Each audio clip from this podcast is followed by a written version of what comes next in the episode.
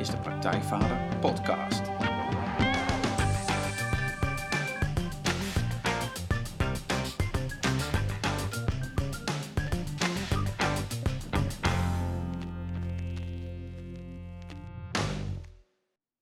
Welkom bij een nieuwe aflevering van de Praktijkvader Podcast. Jeroen hier en goed dat je luistert.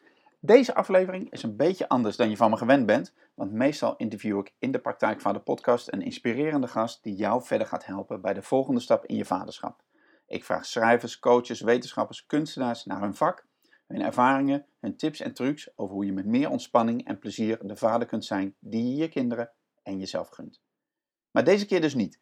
Dit is namelijk de vijftigste aflevering van de Praktijkvader podcast en dat vieren we met een bijzondere aflevering. Dit keer beantwoord ik zelf vragen van gasten uit de praktijk van de podcast en van trouwe luisteraars.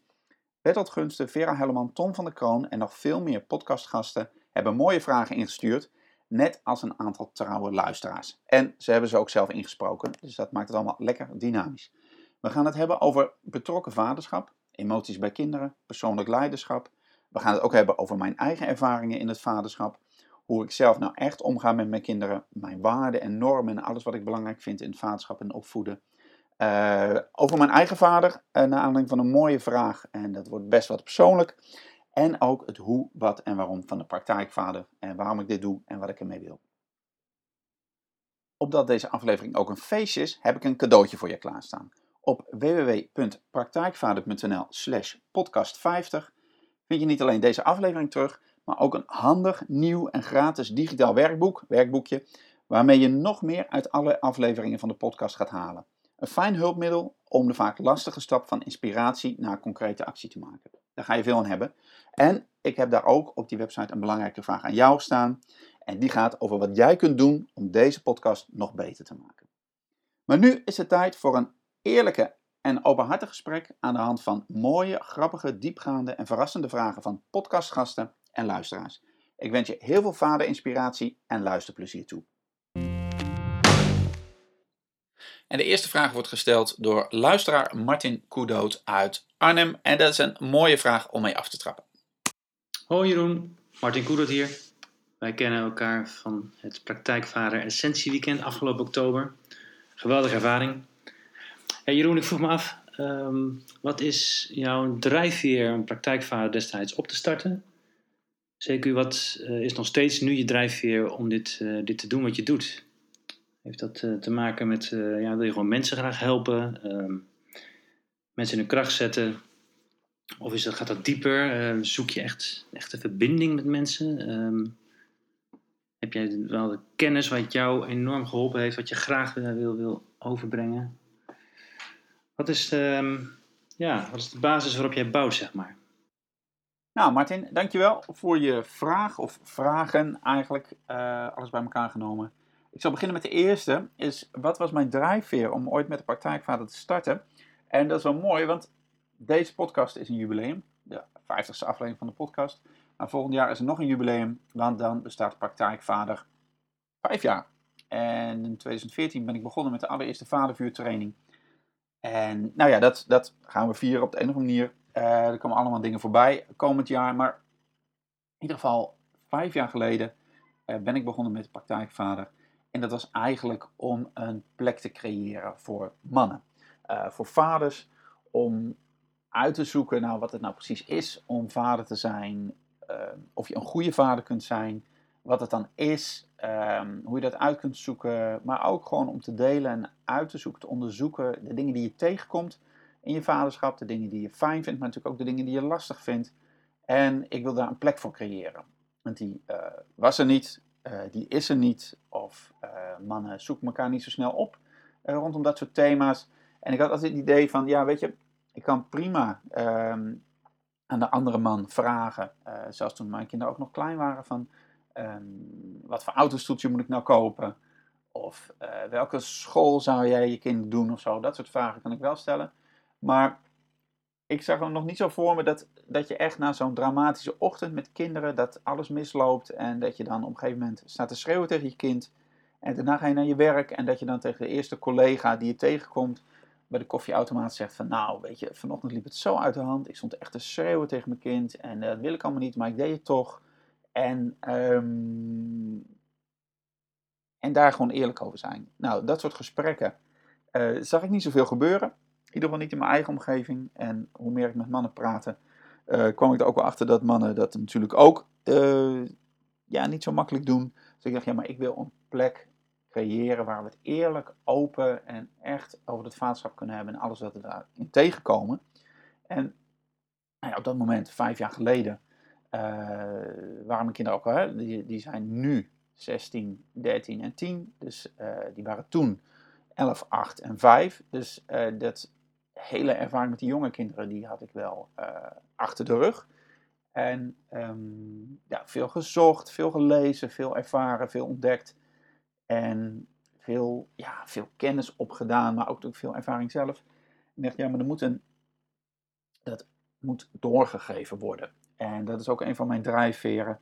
Um, ik vind het zo zonde um, dat, dat mannen over het algemeen gewoon maar weinig kennis over het vaderschap, maar ook over man zijn, wat je daarin tegenkomt, doorgeven. Um, ik heb het niet van mijn vader geleerd. Um, hij weer niet van zijn vader. En ook niet met andere oudere mannen om me heen. Heb ik ook niet echt van geleerd hoe het nou is om een volwassen man te zijn. Of hoe het is om een vader te zijn. Uh, en ik dacht, ja, maar ik heb die kennis wel. En al die andere mannen die doen er ook allemaal kennis en ervaringen op. En hoe mooi zou het zijn als we daarin van elkaar zouden leren. Dus nogmaals, ik wil een plek creëren um, waar het gewoon is voor mannen om het gesprek met elkaar aan te gaan. Eén. Um, en of dat nou in mijn trainingen is of in online, hè, via de website of op Facebook of via deze podcast-interviews. Ik wil het normaal maken dat, dat je over deze belangrijke dingen, echt de belangrijkste dingen in het leven, je vaderschap, maar ook je relatie, ook over uh, heel dat stuk over wat het is om een man te zijn of wat het is om een volwassen man te zijn. Alle vragen die je daarin hebt, dat je die kunt stellen aan elkaar, dat je daar samen in kunt groeien, dat je daarin kunt ontdekken. En dat je ook weer leert van de hobbels en de obstakels die andere mannen hebben, uh, zijn tegengekomen, maar ook hebben overwonnen. Zodat je het uiteindelijk, en dat is het motto wat ik van mijn uh, allereerste coach uh, Wil van de Koer heb gekregen. En dat ik herhaal eindeloos, en omdat het zo belangrijk is, het motto dat je het wel zelf doet, maar niet alleen. Eh, dat, dat er niet in dat, dat ik doe het wel alleen syndroom terechtkomen, die valkuil waar veel mannen in zitten van, oh, ik moet het nu zelf kunnen, ik moet het wel alleen uitzoeken, ik zoek het wel in mijn eentje uit, ik ga echt geen hulp vragen, want dan zullen ze wel dat niet van me denken, of uh, dan ben ik geen echte man, of dan ben ik geen goede vader. Nee, allemaal dat, nee, gewoon wel zelf doen, en niemand gaat het voor je doen, maar je hoeft het niet in je eentje te doen.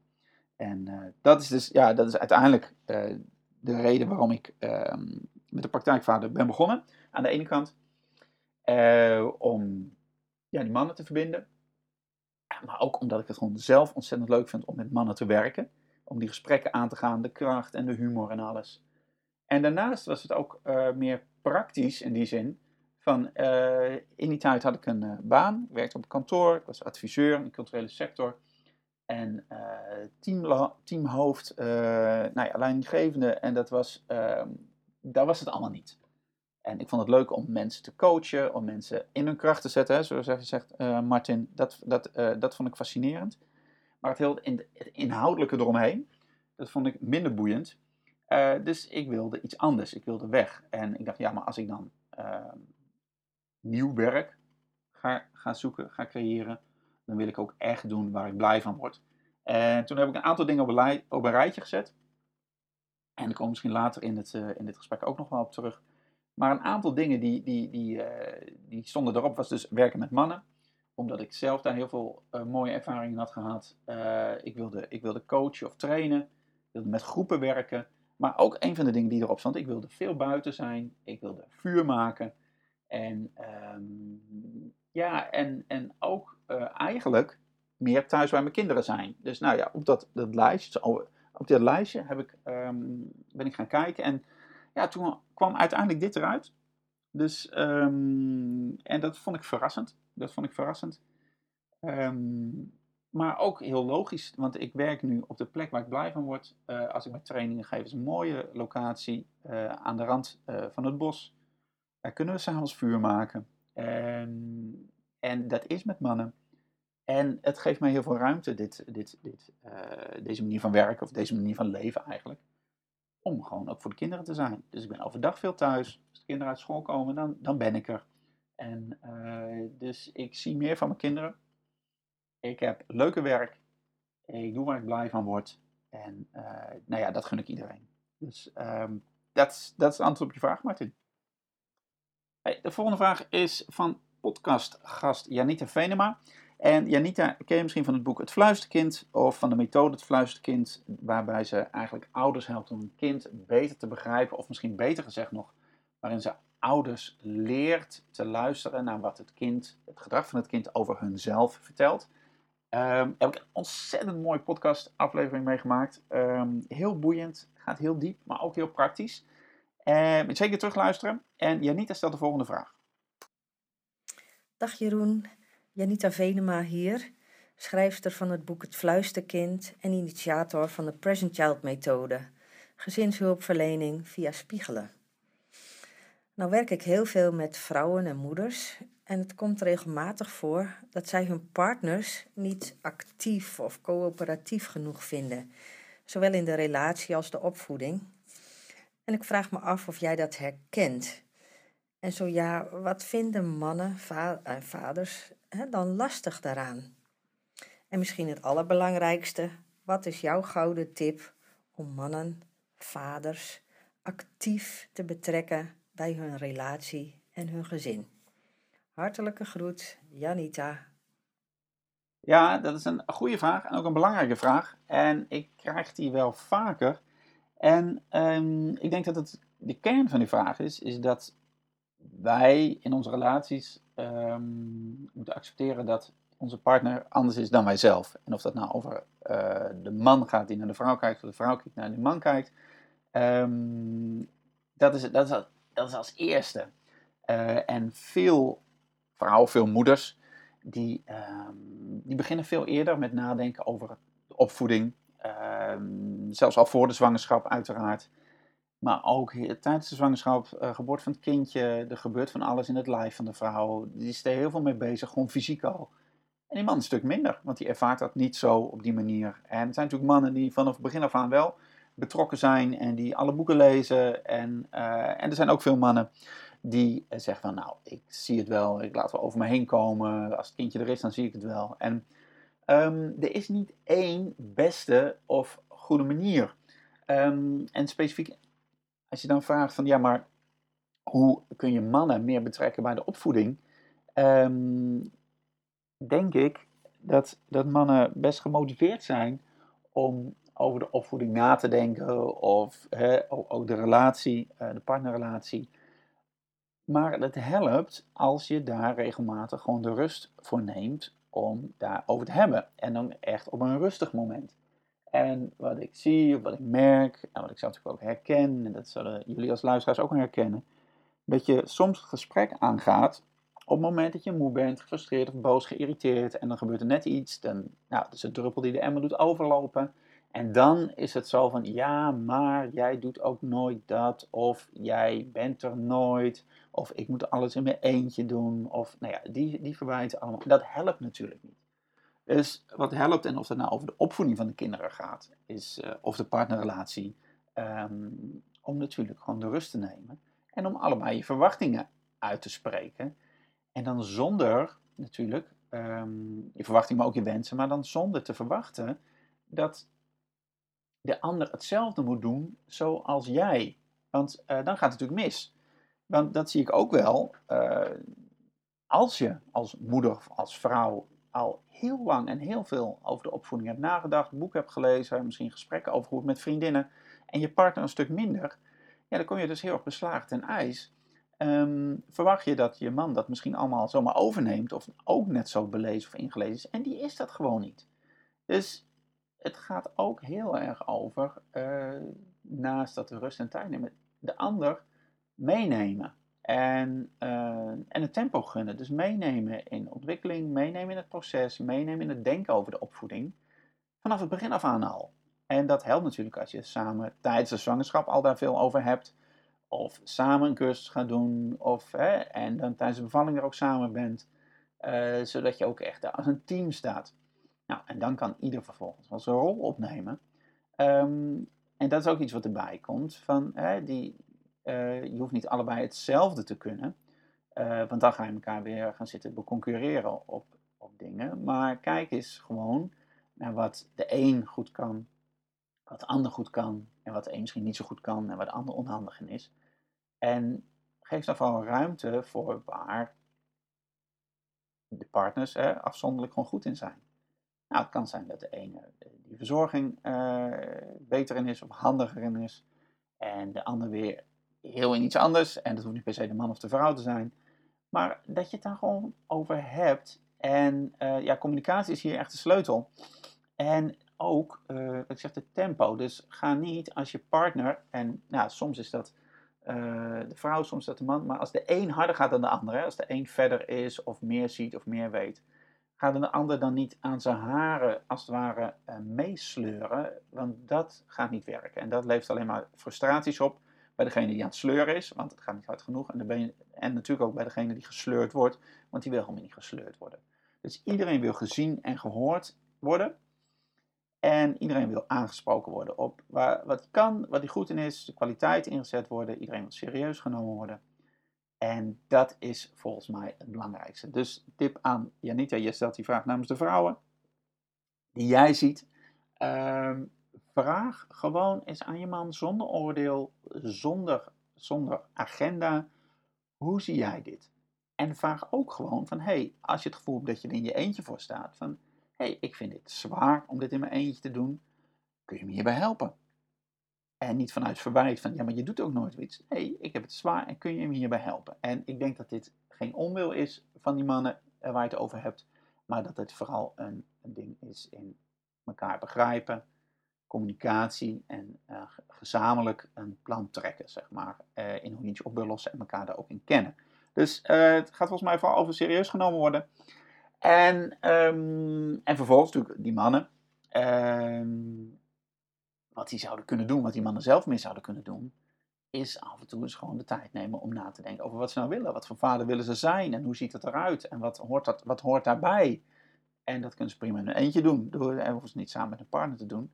Uh, maar als je een beeld hebt van wat voor vader je wil zijn, dus dat je soort bewust bent ergens van, ja, dan, dan kun je ook veel makkelijker die, die rol uh, invullen in je, in je gezin. Dus uh, dat. En ik denk dat we daar, dat we daar voor dit moment bij kunnen laten. Waarbij ik nog wil zeggen dat, dat echt um, dat er het verschil tussen mannen en vrouwen, die zijn er natuurlijk wel. Maar tussen vrouwen onderling en tussen mannen onderling zijn natuurlijk ook heel veel grote verschillen. Dus het blijft natuurlijk altijd lastig om te zeggen mannen dit, vrouwen dat. En die vraag krijg natuurlijk ook wel eens van waarom werk je niet voor vrouwen? Waarom doe je geen moedertrainingen? Dat is gewoon puur mijn eigen voorkeur. Ik vind het fijn om met mannen te werken. Uh, die plek was er nog niet of die was er weinig. En daarom ben ik dit gaan doen. Uh, dat neemt niet weg dat, dat er geen vrouwen naar de podcast mogen luisteren, want dat doen ze wel. En, um, en zelfs zo mijn Facebook pagina, daar schrok ik een keer van toen ik daarna ging kijken. Toen bleek dat al 75% van mijn volgers, dat zijn vrouwen. En ik vond al dat, hè, dat er relatief veel vrouwen reageerden op dingen. En, um, en ik dacht, ja, ik zei het voor mannen, heel veel vrouwen uh, luisteren mee, kijken mee, is allemaal prima. En vaak, en dat is misschien nog wel een extra die ik daar aan toe wil voegen, uh, vaak zijn, als het gaat om de relatie, als het gaat om opvoeding, om de grootbrengen, weten vrouwen ook meer, voelen ze meer aan, zijn ze vaak de eerste die iets in beweging zetten. En um, neem dat gewoon aan.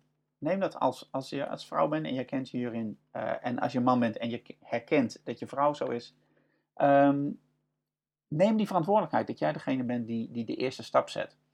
En op een ander moment zal, zal de man of de partner de, de ander zijn die op een ander niveau, ander moment of een ander gebied de eerste stap zet. Maar als jij, als dat jouw plek is in die relatie, zet die eerste stap. En ga niet wachten op je partner, want dat zal dan waarschijnlijk lang duren. Je kunt best een keer zeggen van, oh, ik vind het best zwaar om iedere keer de eerste stap te moeten zetten. Maar blijkbaar ben jij degene die het eerste ziet. Dus neem die verantwoordelijkheid ook. En toen zat ik opeens op de bank bij Vera Helleman. En uh, Vera Helleman volg ik al een lange tijd. Um, en ik vind haar ontzettend inspirerend over, om vooral hoe zij op een ontzettend heldere manier hele complexe zaken uit kan leggen. Eh, zeker als het gaat over wie ben ik nou eigenlijk? Ehm, wat is mijn essentie? Hoe verhoud ik me tot de mensen om me heen? Hoe ben ik mezelf? Eh, wat zijn de gedachten die ik geloof? Hoe ga ik daarmee om? En, ehm, en dat was een ontzettend boeiend gesprek. Um, een van de meest beluisterde podcasts. En Vera heeft ook een vraag. Hallo Jeroen, hier Vera Helleman. De vraag die ik voor jou bedacht heb is: hoe ga je als vader om met de gevoelens van je kinderen? Boos, blij, bang, verdrietig, uh, maar ook schuldwijzerij. Het zijn allemaal emoties. Hè? Uh, ik stel deze vraag omdat ik graag ander licht zou werpen, dat is ook mijn functie, op hoe wij omgaan met emoties. Daar is nog zo weinig. Uh, nou. Succes met je podcast, Jeroen, en met je kinderen. En hele fijne feestdagen voor iedereen. Dag, dag. Ja, ik denk dat dit een van de belangrijkste vragen is die uh, wij ons als ouders onszelf te stellen hebben. Um, hoe gaan we om met de emoties van onze kinderen? En waarschijnlijk ook gewoon uh, daarin meegenomen gelijk. Hoe gaan we om met onze eigen emoties? En ik vind dat fascinerend, complex, lastig, mooi, eigenlijk alles. Um, en nou ja, wat, om gelijk met een voorbeeld te beginnen, van, die ik ook veel van, van mannen hoor, zeg maar, dat, dat als je kinderen samen ruzie hebben, en dat, nou ja, dat kan er nog wel eens fel aan toe gaan, uh, fysiek, en, um, en ja, hoe ga je daar dan mee om? En wat natuurlijk vaak gebeurt, en die ken ik zelf ook wel, eh, van dat je, als er iets gebeurt, zoiets, dat je zelf ook gelijk in emoties schiet. Dus dat je boos bent, gefrustreerd, of ja, daar gaan we weer, en dat je eigenlijk met al die al die emotie de situatie ingaat. En uh, nou, iedereen die heeft het wel eens gedaan en iedereen heeft ook wel gemerkt dat dat gewoon niet werkt. Want dan, uh, ja, dat wordt een zootje. Het is al een hoop energie, kom jij met jouw energie op. En dat, dat kan alleen maar ontaarden uh, in gedoe. En nou, uiteindelijk krijg je misschien de boel wel rustig, maar dan moet weer een hoop hersteld worden. En nou ja, niemand is eigenlijk tevreden. Um, dus wat ik, nou ja, Vera, je vraagt het zelf, dus ik ook van jou heel erg heb geleerd, uh, of opnieuw van jou heb geleerd, is eigenlijk te kijken naar uh, hoe, wat een emotie is. En um, dat komt in jouw interview heel erg naar voren, ook in het gesprek met Marnix Pauwels komt dat heel erg naar voren, is dat wij zoveel waarde hechten aan onze emoties, wat eigenlijk helemaal niet hoeft. Um, kijk, emoties die kun je zien als dingen die opkomen. En dan heb ik niet over sensaties, maar echt emoties. Hè? Dus, dus boos, blij, bang, verdrietig. Um, die dingen, um, die komen op en die vertellen je iets. Die vertellen eigenlijk dat, dat iets niet oké is, dat iets niet uh, aan, in orde is. En dat vraagt om een reactie, maar dat vraagt niet om helemaal in die emotie te duiken. Dus als ik boos ben, uh, dan is het blijkbaar iets frustreert mij, maar dan heb ik eigenlijk al heel lang heb ik uh, bijvoorbeeld iets buiten mezelf gelegd. Um, dat was een voorbeeld verzinnen de laatste keer dat ik ontzettend boos was. Nou, kan ik zo vertellen van, um, auto was, was stuk. Um, en het duurde maar en het duurde maar voordat de garage uh, contact met me opnam. En nou, daar ben ik heel gefrustreerd van, want ik wilde graag dat ze contact met me opnamen. En uh, nou, dat kan zo heel lang doorgaan. En, en dan word ik steeds bozer. Maar wat ik natuurlijk veel eerder had kunnen doen, is gewoon op het moment dat ik voelde van, hé, hey, ik voel frustratie, wat is hier aan de hand? Oh, zelf even opbellen. Eh, het is een heel simpel voorbeeld, maar zelf even opbellen naar die garage en vragen, hé, hey, hoe staat het ermee? Nou, en dan kan ik vervolgens alweer het gesprek aangaan. En dat is denk ik ook wat we met onze, met onze kinderen doen, hoe ik daarmee omga. Uh, en ik moet eerlijk zeggen, soms lukt dat wel, soms lukt dat niet. En als ik zelf goed in mijn vel zit, dan lukt dat allemaal een stuk beter. Dus dat is denk ik het eerste wat we als ouders te doen hebben. Zorgen dat we uitgerust zijn, uh, dat, dat we zelf niet gefrustreerd zijn. Dus dat, we een soort basis hebben waarin we zelf rustig zijn. En dan, als je kind boos is uh, of verdrietig, dan kun je dat zien. En dan hoef je niet in de inhoud van dat verdriet mee te gaan, of die boosheid, of je hoeft daar zelf niet van gefrustreerd te worden, maar je kunt het zien bij dat kind. En vervolgens denk ik dat je um, heel concreet, uh, wat ik meestal doe, is, uh, is benoemen. Benoemen gewoon de emotie erkennen. Ehm, en dat, dat werkt bij iedereen eigenlijk. Dat werkt bij je partner, dat werkt bij je ouders, dat werkt bij je kinderen. Ehm, benoemen van, oh, oh, je bent boos. Ja, oké, ik ben boos. Nou, mag die boosheid er zijn? Kun je die boosheid van je kind kun je toelaten? Kun je dat verdriet van je kind kun je toelaten? En vervolgens, op het moment dat, uh, dat er een heel verhaal bij komt, uh, een soort drama, zo, noemen we dat hier thuis, zo, op het moment dat het drama erin komt, um, ja, dat vraagt om daar niet in mee te gaan. Dus niet mee te gaan in het verhaal van bijvoorbeeld, uh, als je kind verdrietig is, ja, maar ik, zei, mijn vriendje, hè, die wil nooit met mij afspreken. Um, en ze heeft altijd andere vriendinnen die ze liever vindt, zeg maar. Dat waarschijnlijk helemaal niet waar is. Um, en hou je het bij deze, situatie, oh, je bent nu verdrietig. Want, oké, ze wilde nu niet met je afspreken. Oké, nou oké, oké, dat. En laat dat er maar even zijn. En hou het bij die, die, die aanleiding. En eh, ik mag geen ijsje. Uh, oh, ik mag nooit een ijsje. Je kent het allemaal wel. Of oma vindt mijn broertje of zusje veel liever. Nou, al die, die, die drama's eigenlijk, en die ken je van jezelf denk ik ook. Erken de emotie en, um, en ga niet mee in het drama. En uh, daar is voor nodig dat je zelf dus ook goed in je vel zit. En dat is denk ik het korte antwoord. En uh, daar zou ik nog heel lang over door kunnen praten. En wat ik er mooi vind van, van uh, de fijne emoties, dus bijvoorbeeld blijheid en wat erbij komt, vreugde. ja, daar hoef je dus verder niet zoveel mee, maar die mag je ook benoemen. Want um, dat doen we dan vaak niet. Hè? Maar als je tegen een kind zegt dat het blij is, oh wat ben je blij, wat, dat doet ook iets. Dan voelt hij zich ook gezien en ook gevoeld en dan zie je hem groeien. Uh, dus we zijn geneigd natuurlijk vaak om alleen maar aandacht aan die negatieve of negatieve, we noemen ze negatief, maar die meer lastige emoties te geven. Um, maar dat is ook vaak, dat als je die erkent, dus die meer die lastige emoties, dat geeft opluchting. En als je die fijne emoties erkent, dat geeft nog meer van hetzelfde. Dus als je een blij kind hebt en je zegt, oh wat ben jij blij, dan komt er nog meer blijheid. En uiteindelijk lief je daar zelf ook weer op mee. Mark van Dijk uit Den Haag is een hele trouwe podcastluisteraar en die heeft ook een fijne vraag. Hey Jeroen, als vaste praktijkvader podcastbeluisteraar heb ik natuurlijk wel een vraag voor jou. En mijn vraag die is als volgt. Hoe kom je nou tot de essentie waar je zelf voor staat? Wat zijn de waarden die je belangrijk vindt? En hoe zorg je dat je die borgt in je gezin of voorleeft aan je kinderen? Wat zijn voor jou belangrijke waarden in het vaderschap? En hoe zorg je ervoor dat je daar niet ongemerkt te ver van weg beweegt? Heb je hier eenvoudige praktische stappen voor? Of vragen die je zelf kan stellen om jouw essentie of waarden zo concreet mogelijk te maken? En hoe breng je dat dan in de praktijk? En verder ben ik benieuwd of je nog een nieuwe boeken top 10 of 25 kan maken. En of je dan ook zo'n lijstje voor films kan maken. Dus een top 10 of 25 van films die gerelateerd zijn aan het vaderschap. Dat lijkt me erg leuk om die eens te lezen of na te kijken. Nou, verder super bedankt voor deze leuke gelegenheid. En ik ben erg benieuwd naar je antwoorden en naar de jubileumpodcast. Nou, bedankt en tot gauw. Hoi.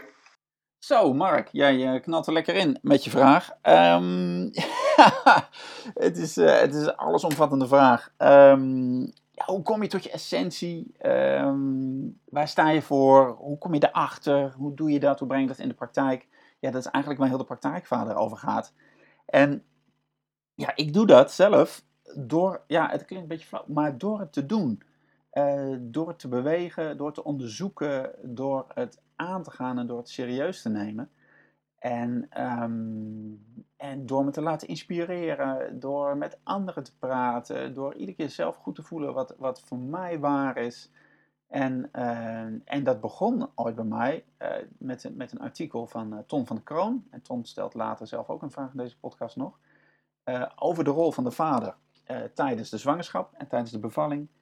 En ik dacht, oh, dit vind ik zo fantastisch. En hier wil ik meer van. En uh, wat voor vader wil ik zijn. Dat, en zo is dat balletje gaan rollen.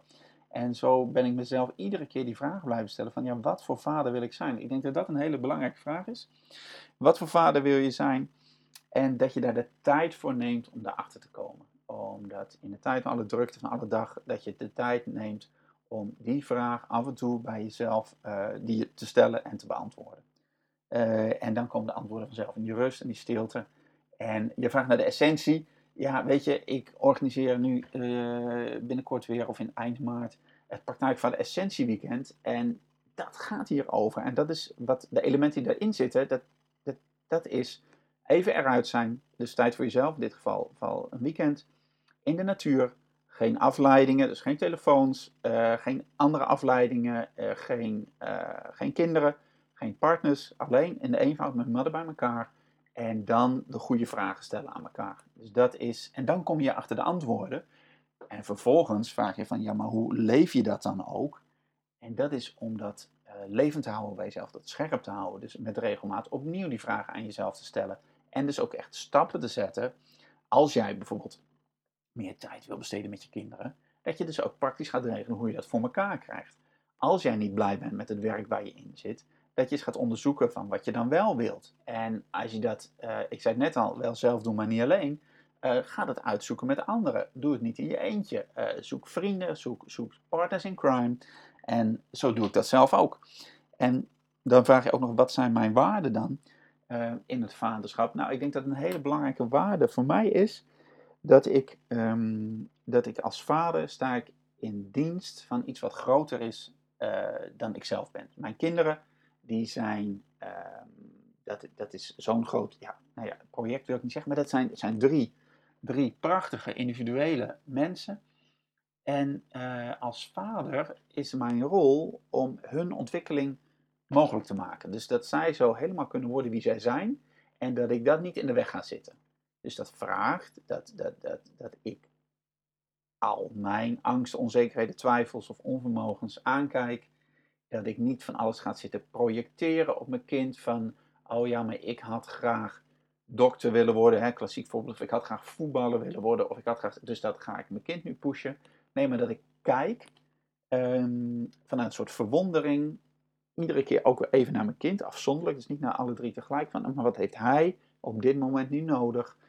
Hoe kan ik zijn ontwikkeling het beste faciliteren? En dat is eigenlijk van, ja, dat, dan gaat het niet om jou, het gaat niet om mij als vader, ik ben niet de belangrijkste, maar ik ben hier om mijn kind uh, de wereld in te begeleiden eigenlijk. En um, mooi daarvan vind ik van, hè, weet je, we, zijn, we komen uit zo'n hele lange familielijn. Uh, mijn vader die staat, die staat achter me, opa staat achter me, heel, heel die familie staat achter me.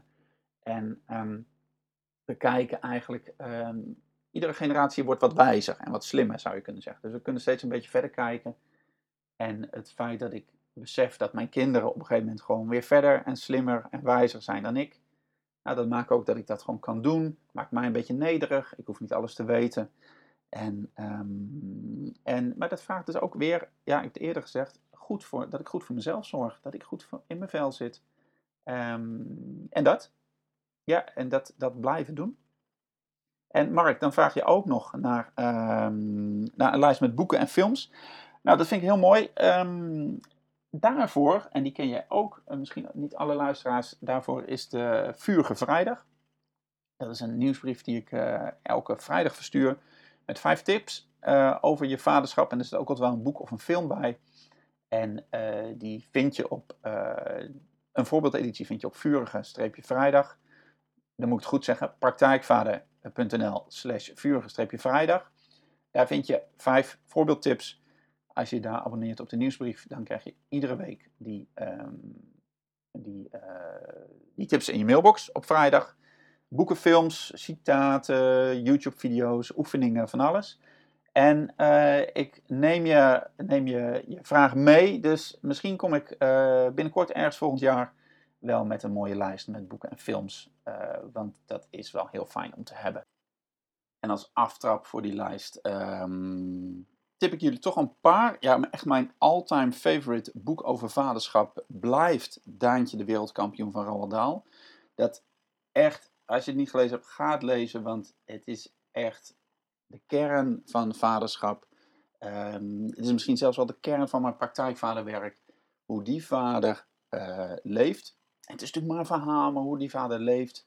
Uh, hoe die vader is, maar ook hoe die zijn eigen passies, in dit geval het stropen van fazanten, vormgeeft. De vader-zoonband, het samen tegen de rest van de wereld, de liefde, vriendschap. Het zit er allemaal in. Het is echt fantastisch. Zo'n vader wil je gewoon zijn. En um, ander boek, ook een roman. Eh, geen kinderboek, maar een, roman is eh, extreem luid en ongelooflijk dichtbij. Van Jonathan Safran Foer. Ook een redelijk bekend boek over een jongen van een jaar of tien, eh, wiens vader omkomt bij de aanslagen eh, op de Twin Towers in New York in 2011. En zijn vader is overleden en dat zet eigenlijk een soort, soort zoektocht van die jongen in gang van wie ben ik nou, wie was mijn vader, wie is mijn familie. En door heel New York heen, hij ontmoet allemaal mensen, in gang gezet door zijn vader, die dus inmiddels overleden is, maar daardoor leert hij zijn vader ook weer beter kennen. Eh, prachtig boek. En ja, weet je, als ik nu toch bezig ben, geef ik nog een paar tips meer. Was heel blij met eh, de vertaling van het boek Attachment Parenting. Het Attachment Parenting handboek van William Sears. Ehm, geen roman, maar echt een opvoedhandboek ehm, over eh, hechting. En vooral fijn voor ouders eh, die, die een kindje nog moeten krijgen, die zwanger zijn of bij wie het kindje net geboren is. Jonge kinderen, baby's, de reumische peuters. En dat boek had ik willen lezen. En dat was er misschien wel, maar dat heb ik toen gemist. Uh, omdat het alleen het Engels was. Maar dat boek had ik willen lezen toen, toen, toen, wij, toen Wendy zwanger was van onze eerste. 16 jaar geleden. En daar had ik echt heel veel aan gehand. Alles staat erin over echt, hechting, maar ook over uh, samenslapen, over dragen, over borstvoeding. Um, de dingen waar ik heel veel aan gehad heb, waar onze kinderen heel veel aan gehad hebben, waar ik heel veel plezier aan heb gehad, die staan in dat boek gewoon beschreven. Hoe je het doet en hoe je dat aan kunt pakken. Dus prachtig boek. En uh, een van de mooiste mannenboeken, dus echt dus, uh, mannenpsychologieboeken die ik heb gelezen het afgelopen jaar, was van podcastgast Nathan Vos. Zijn boek Man om Man is een heel toegankelijk boek over wat het is om man te zijn, de struggles die je tegenkomt. Hij schreef het naar aanleiding van uh, de zelfmoord van zijn broer. Um, en toen, ja, dat heeft bij hem een ontwikkeling in gang gezet. Ja, van hoe kan het nou dat dit gebeurt? Waar lopen mannen tegenaan? Uh, waarom klooien ze vaak maar wat aan? Waarom zoeken ze geen hulp? En daar heeft hij een heel mooi, toegankelijk, eerlijk, persoonlijk boek over geschreven, wat echt een uh, aanrader is. En Mark, dan geef ik je ook nog twee filmtips die jij waarschijnlijk al lang gezien hebt. Maar um, toch voor, uh, voor alle anderen. Captain Fantastic zag ik pas weer opnieuw. Prachtige film over buiten de kaders vaderschap met Viggo Mortensen. Over een vader die zijn, die zijn kinderen opvoedt alleen uh, op een plek in het bos en een beetje zich afzet tegen de wereld. En die situatie is het vertrekpunt voor een mooi avontuur, echt over het vaderschap. En waar ik zelf heel erg van onder de indruk was, uh, wat nieuw voor mij was dit jaar, was de serie This Is Us. Um, prachtige serie, um, is ook op tv uitgezonden, maar toen heb ik hem gemist. Ik heb hem nu op DVD gekeken. Prachtige serie over drie dertigers, uh, twee broers en een zus. Uh, die allemaal hun leven hebben en worstelen ook. En deels met vaderschap, maar ook gewoon met leven, waar alles waar je tegenkomt. En het geniale van die serie vind ik dat je, je leeft mee met personages, personages in het heden. Maar je, tegelijkertijd uh, ga je terug in de tijd naar het moment waarop die drie dertigers nog uh, kinderen waren. Dus eerst baby's, kleuters, ook peuters, um, middelbare scholieren. En zie je ook het, hun ouders. Dus je ziet zowel de ouders die worstelen met kinderen, als later de kinderen die volwassenen zijn. En er zit allemaal gave sprong in de tijd. Maar het is vooral heel mooi, heel eerlijk, heel goed geacteerd.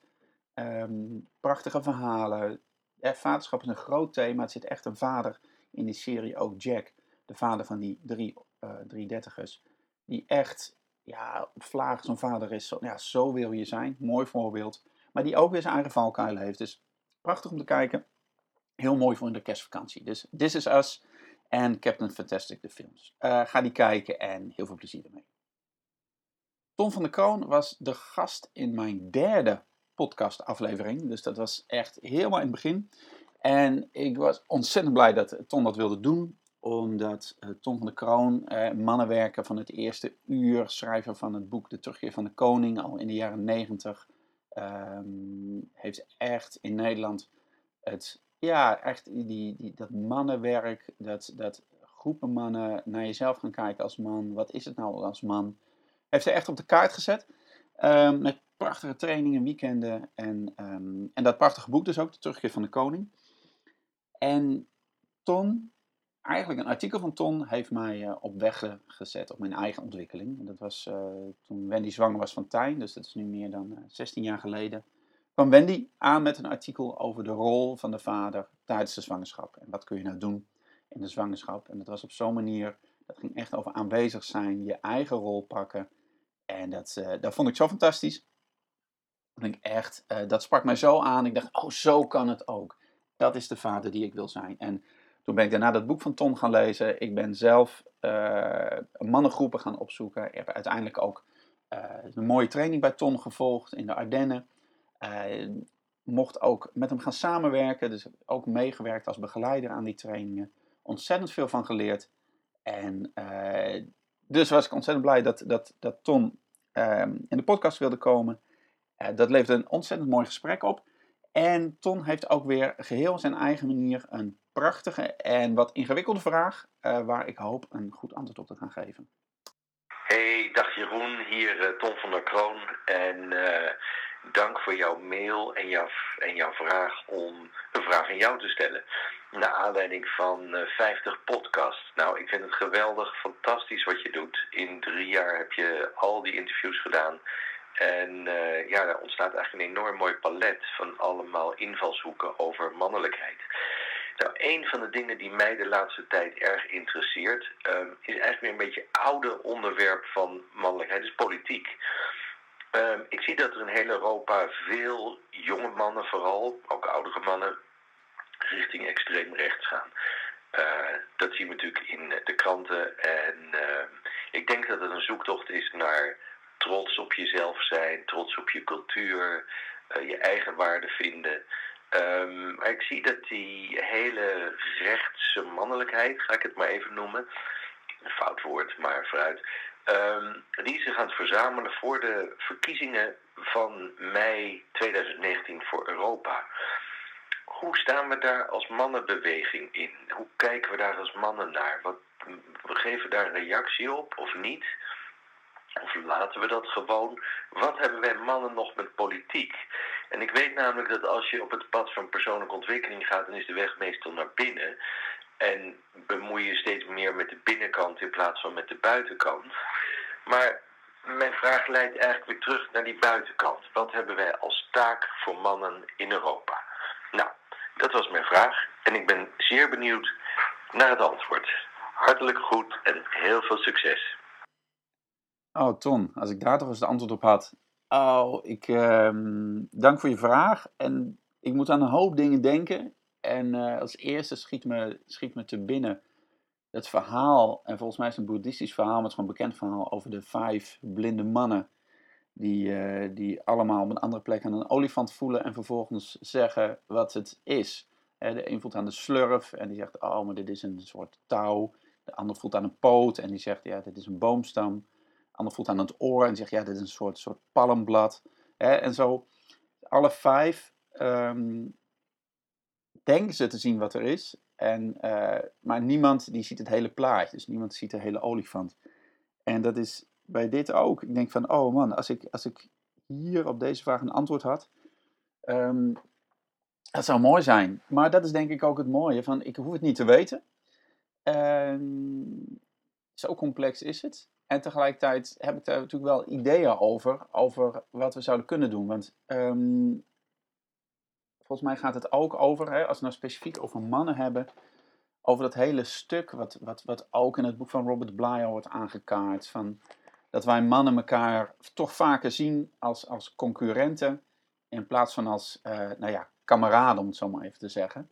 Dat er heel veel hè, competitie, dat zit, dat zit in ons mannen. En of dat nou biologisch is of, of cultureel, dat maakt niet zo uit, maar het zit heel diep. En het idee van, van um, van ik uh, moet het goed doen of ik moet de beste zijn. En als ik niet de beste zijn, dan. Of ik moet beter dan, dan, dan jou zijn op het werk. Maar ook, misschien ook, ook in vriendschappen, zeg maar. Status, ik moet meer hebben dan de ander, want dan ben ik beter. Um, en dat maakt ons natuurlijk allemaal heel soort eenzaam ook. Um, en dat levert, uh, levert ons dingen op, hè, het soort overlevingsmechanisme. Maar het maakt ons ook eenzaam en het is zo mooi. En het is ook niet nodig. Hè? Volgens mij, uiteindelijk is het niet nodig of levert je meer op als je wel de verbinding met elkaar aangaat. En als je bereid bent om um, het meer samen te doen. Maar ook om gewoon te luisteren naar de ander eh, met een open hart, een open, open oor. Te luisteren zonder dat jij per se je gelijk hoeft te halen. En dan kan er wat ontstaan. En dat is ook wat er tussen generaties uh, gebeurt. Uh, wij zijn in onze cultuur zijn we niet meer gewend om, uh, om bijvoorbeeld wijsheid door te geven van de ene generatie op de andere. Um, de oudere generatie um, is vaak wantrouwend naar de, de, jongere generatie, omdat ze bang zijn dat die hun plek komen innemen.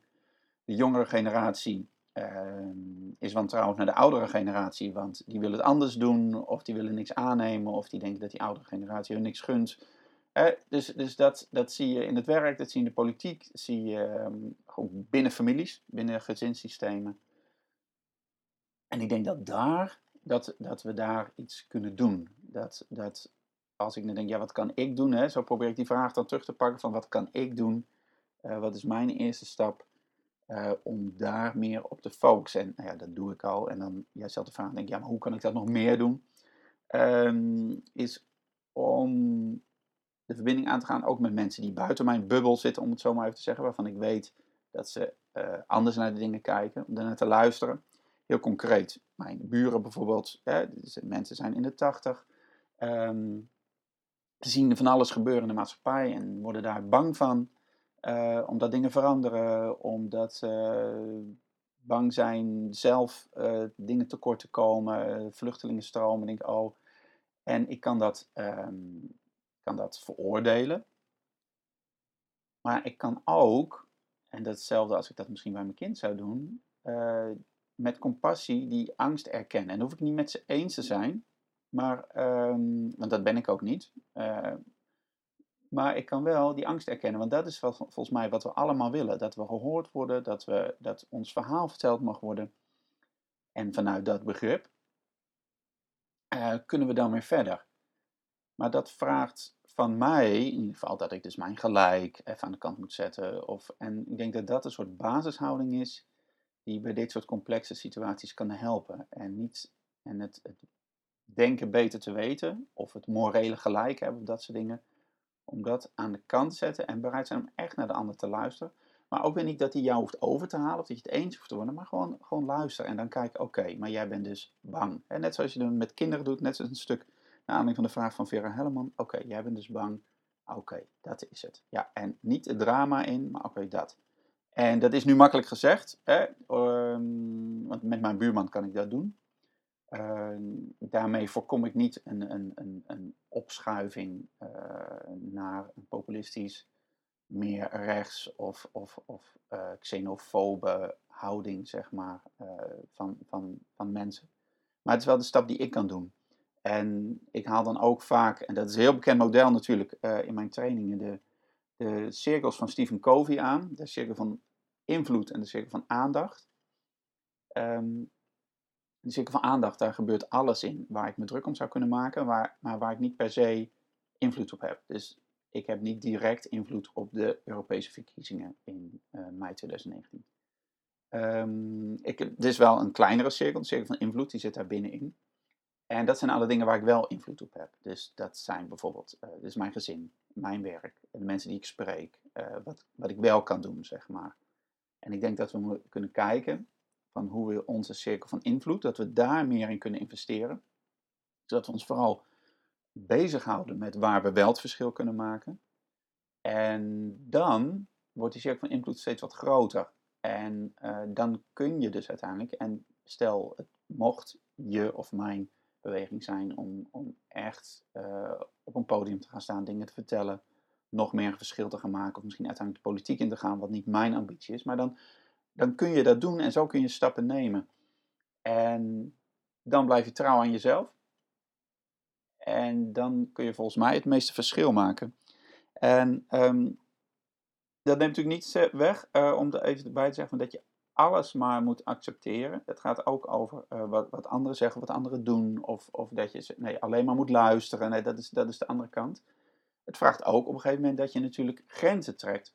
Want als je merkt dat de beweging naar jou toe komt, uh, die niet goed is of die niet fijn is, of dat je je aangevallen voelt of bedreigd voelt, uh, dat je dan niet achterover gaat leunen, maar dat je dan ook actief die stap naar voren zet van ja, hé, hey, maar tot hier en niet verder. Dus dat je actief een grens trekt ehm, en daar dus ook voor gaat staan. Maar dat kan alleen volgens mij vanuit die, die, die cirkel van invloed. Dus wat je, wat je hebt, wat je weet, wat je kunt beïnvloeden, maar dat je daar ook die grens bewaakt. En daar heb je, um, ja, daar heb je krijgerenergie voor nodig. Weten wat je wil, gecentreerd en, en gaan en stappen zetten. En misschien niet honderd stappen tegelijk, maar stap voor stap. En, ehm, en je ogen open houden. Dus Ton, um, ja, het is niet het antwoord, maar het is denk ik uh, mijn antwoord. En ik hoop dat jij daar tevreden mee bent en dat we daarmee verder kunnen. Gideon de Haan is een podcastgast en um, schrijver van boeken Stief Succes en het Stiefparadijs en werkt veel met uh, stiefgezinnen. En daar gaat ook zijn vraag over. Dag Jeroen, hier is Gideon de Haan, gezinscoach en mediator, vooral voor samengestelde gezinnen. En mijn vraag aan jou is, er komen steeds meer mannen in de stiefvaderrol. Wat kunnen we binnen praktijkvader betekenen voor deze mannen op hun weg vol hobbels en kuilen op weg naar hun stiefsucces? Ik stel deze vraag omdat die groep steeds groter wordt en omdat er steeds meer mannen met dit soort vragen komen. Groetjes en veel succes met je podcast, Gideon de Haan. Tot later.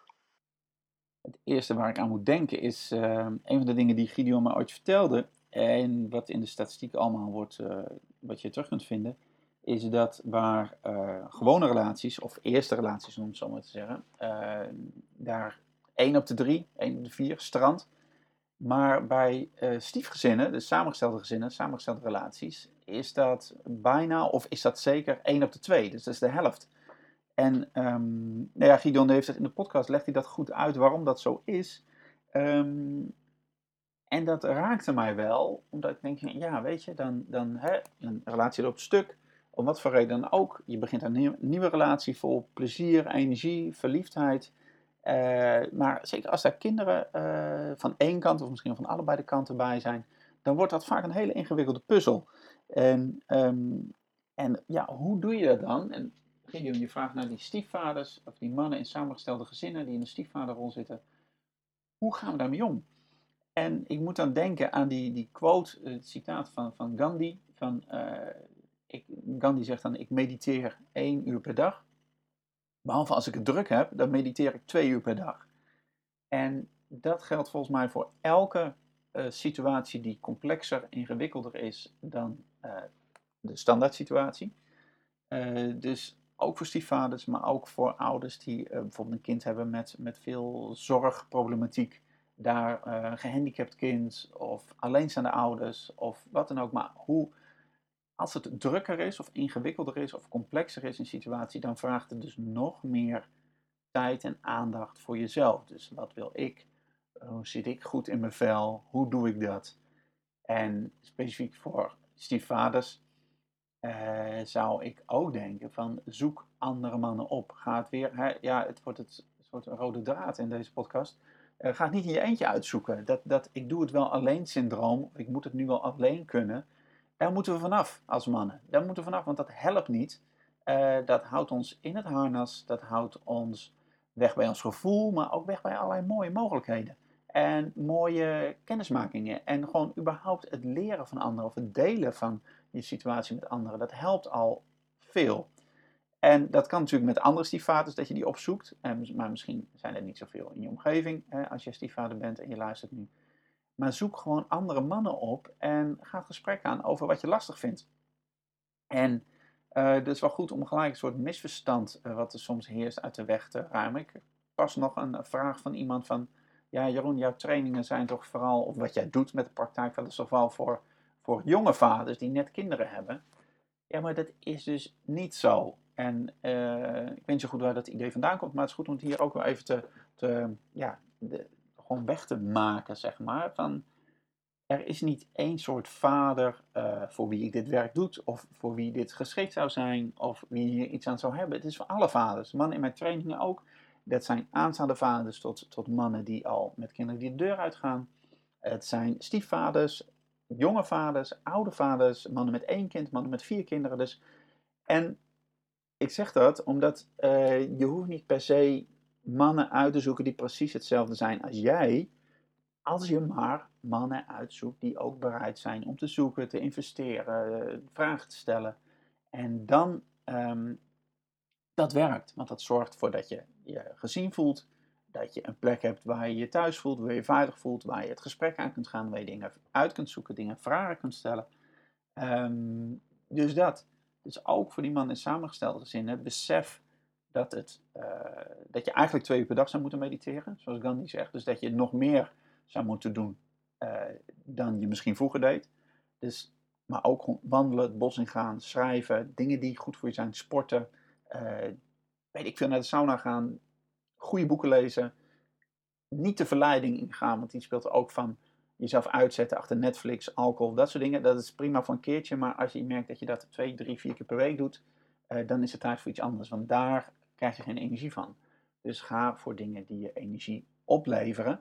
En als je goed in je vel zit, als je die energie hebt, dan kun je die situatie ook aan. Want dat is een um, mooi gezegde, wat uh, volgens mij bij de Native Americans vandaan komt, is elk obstakel is net zo groot als jouw kracht om het te overwinnen. Dus hoe complex de situatie ook is, zeg maar, jij kunt die kracht in jezelf vinden uh, om, die, om dat aan te gaan. En hoe je die kracht vindt, uh, dat is dan weer aan jou. En het helpt dan door andere mannen op te zoeken. Maar ook om gewoon lekker goed voor jezelf te zorgen, vroeg naar bed te gaan, dat soort dingen allemaal. Dus zorg goed voor jezelf. Dat is denk ik het antwoord. Jurgen Peters uit België schreef het boek Kinderen zijn geen puppies. En dat terwijl hij eigenlijk helemaal geen opvoedboek wilde schrijven. Ik interviewde hem daarover uh, deze zomer. En dat leverde een heel mooi gesprek op. En Jurgen heeft ook een hele mooie vraag. Dag Jeroen, Jurgen Peters hier.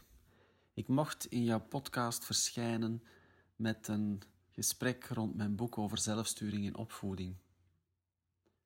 Ik wil je eerst en vooral feliciteren om het prachtige werk dat je doet en nu dus al aan de vijftigste podcast toe bent.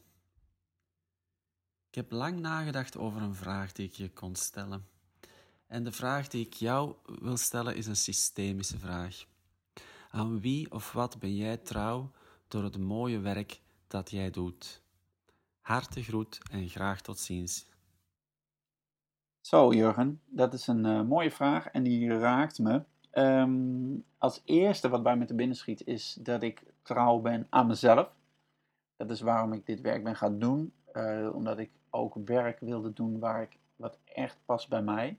En dat voorbeeld wil ik mijn kinderen ook geven. Um, dat, je, dat het de bedoeling is dat je je eigen werk kunt uitvinden. Dat je je missie of je doel of wat je ook te doen hebt. Ik denk dat, het dat je wat, wat je te doen hebt in dit leven, dat je dat doet. Dat je dat serieus neemt en dat jij ook de beste bent die dat kunt gaan doen. Um, en daarmee denk ik ook vooruitkijkend, je zegt ook een systemische vraag, doe ik het ook voor mezelf, maar doe ik het ook voor mijn kinderen. Mijn kinderen waren een hele grote motivator om dit werk te gaan doen. Uh, ja, omdat, kijk, als ik ze wil voorleven dat het de bedoeling is dat jij gaat doen wat je te doen hebt, dat jij bent wie je bent, ja, dan werkt dat natuurlijk het beste als ik dat zelf ook doe. Dus als ik, als ik mezelf toestemming geef, als ik, als ik doe wat ik te doen heb, als ik dat mag doen van mezelf en ook ga doen, durf te doen, dan geven mijn kinderen ook toestemming om datgene te gaan doen wat zij te doen hebben. En terugkijkend naar achter, en dat heb ik nooit zo beseft als wel de afgelopen paar jaar, denk ik, is dat ook wat ik van mijn vader heb geleerd. En dat heb ik nooit zo gedacht.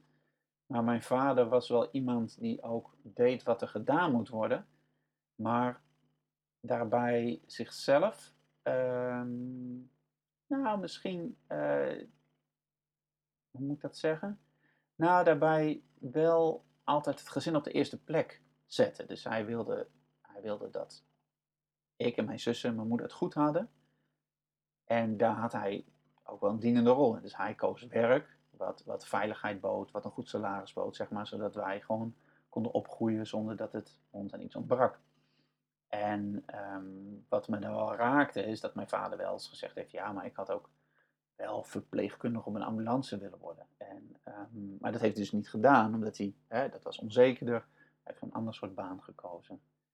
En er was een tijd geweest dat ik dacht van, ja, maar pap, dat, had dat gaan doen, zeg maar. En dat een soort, soort oordeel op eigenlijk, van dat hij niet zijn droom was gaan volgen. Maar hij heeft voor deze weg gekozen. En inmiddels is mijn vader overleden en konden het daar ook wel over hebben op het eind. En was dat voor hem eigenlijk helemaal niet zo groot als ik ooit had bedacht. Ehm, maar hij deed wel wat er gedaan moet worden, moest worden. En in die zin uh, ja, ben ik ook trouw aan mijn vader dat ik dit doe. En een mooi verhaal wat ik, uh, wat ik soms in mijn training wel vertel. Um, en het is geen verhaal, want het is gewoon echt wat gebeurd is. Mijn vader, um, wij deelden dezelfde muzieksmaak. Heel veel van de muziek die mijn vader mooi vindt, heb ik overgenomen, ontdekte ik door hem. Maar op een gegeven moment toen ik 15, 16 was, ging het ook de andere kant op. Dat zie ik nu ook bij mijn eigen kinderen. Die komen met muziek die ik leuk vind. En uh, ik was, uh, zeker in 15, 16, was ik heel erg gek van de muziek van Melissa Etheridge. Uh, like the Way I Do, dat nummer ken je allemaal. En op een gegeven moment kwam Melissa Etheridge in, in Nederland, een concert. En niemand wilde met mij mee. dus ik ja, in mijn eentje naar het concert. En zei mijn vader op een gegeven moment, nou, ik ga wel met je mee. En uh, toen was ik denk ik 18 of zo. En, uh, en wij, wij er samen naartoe in Ahoy in Rotterdam. En echt waanzinnig. Uh, ik ging helemaal uit mijn plaat.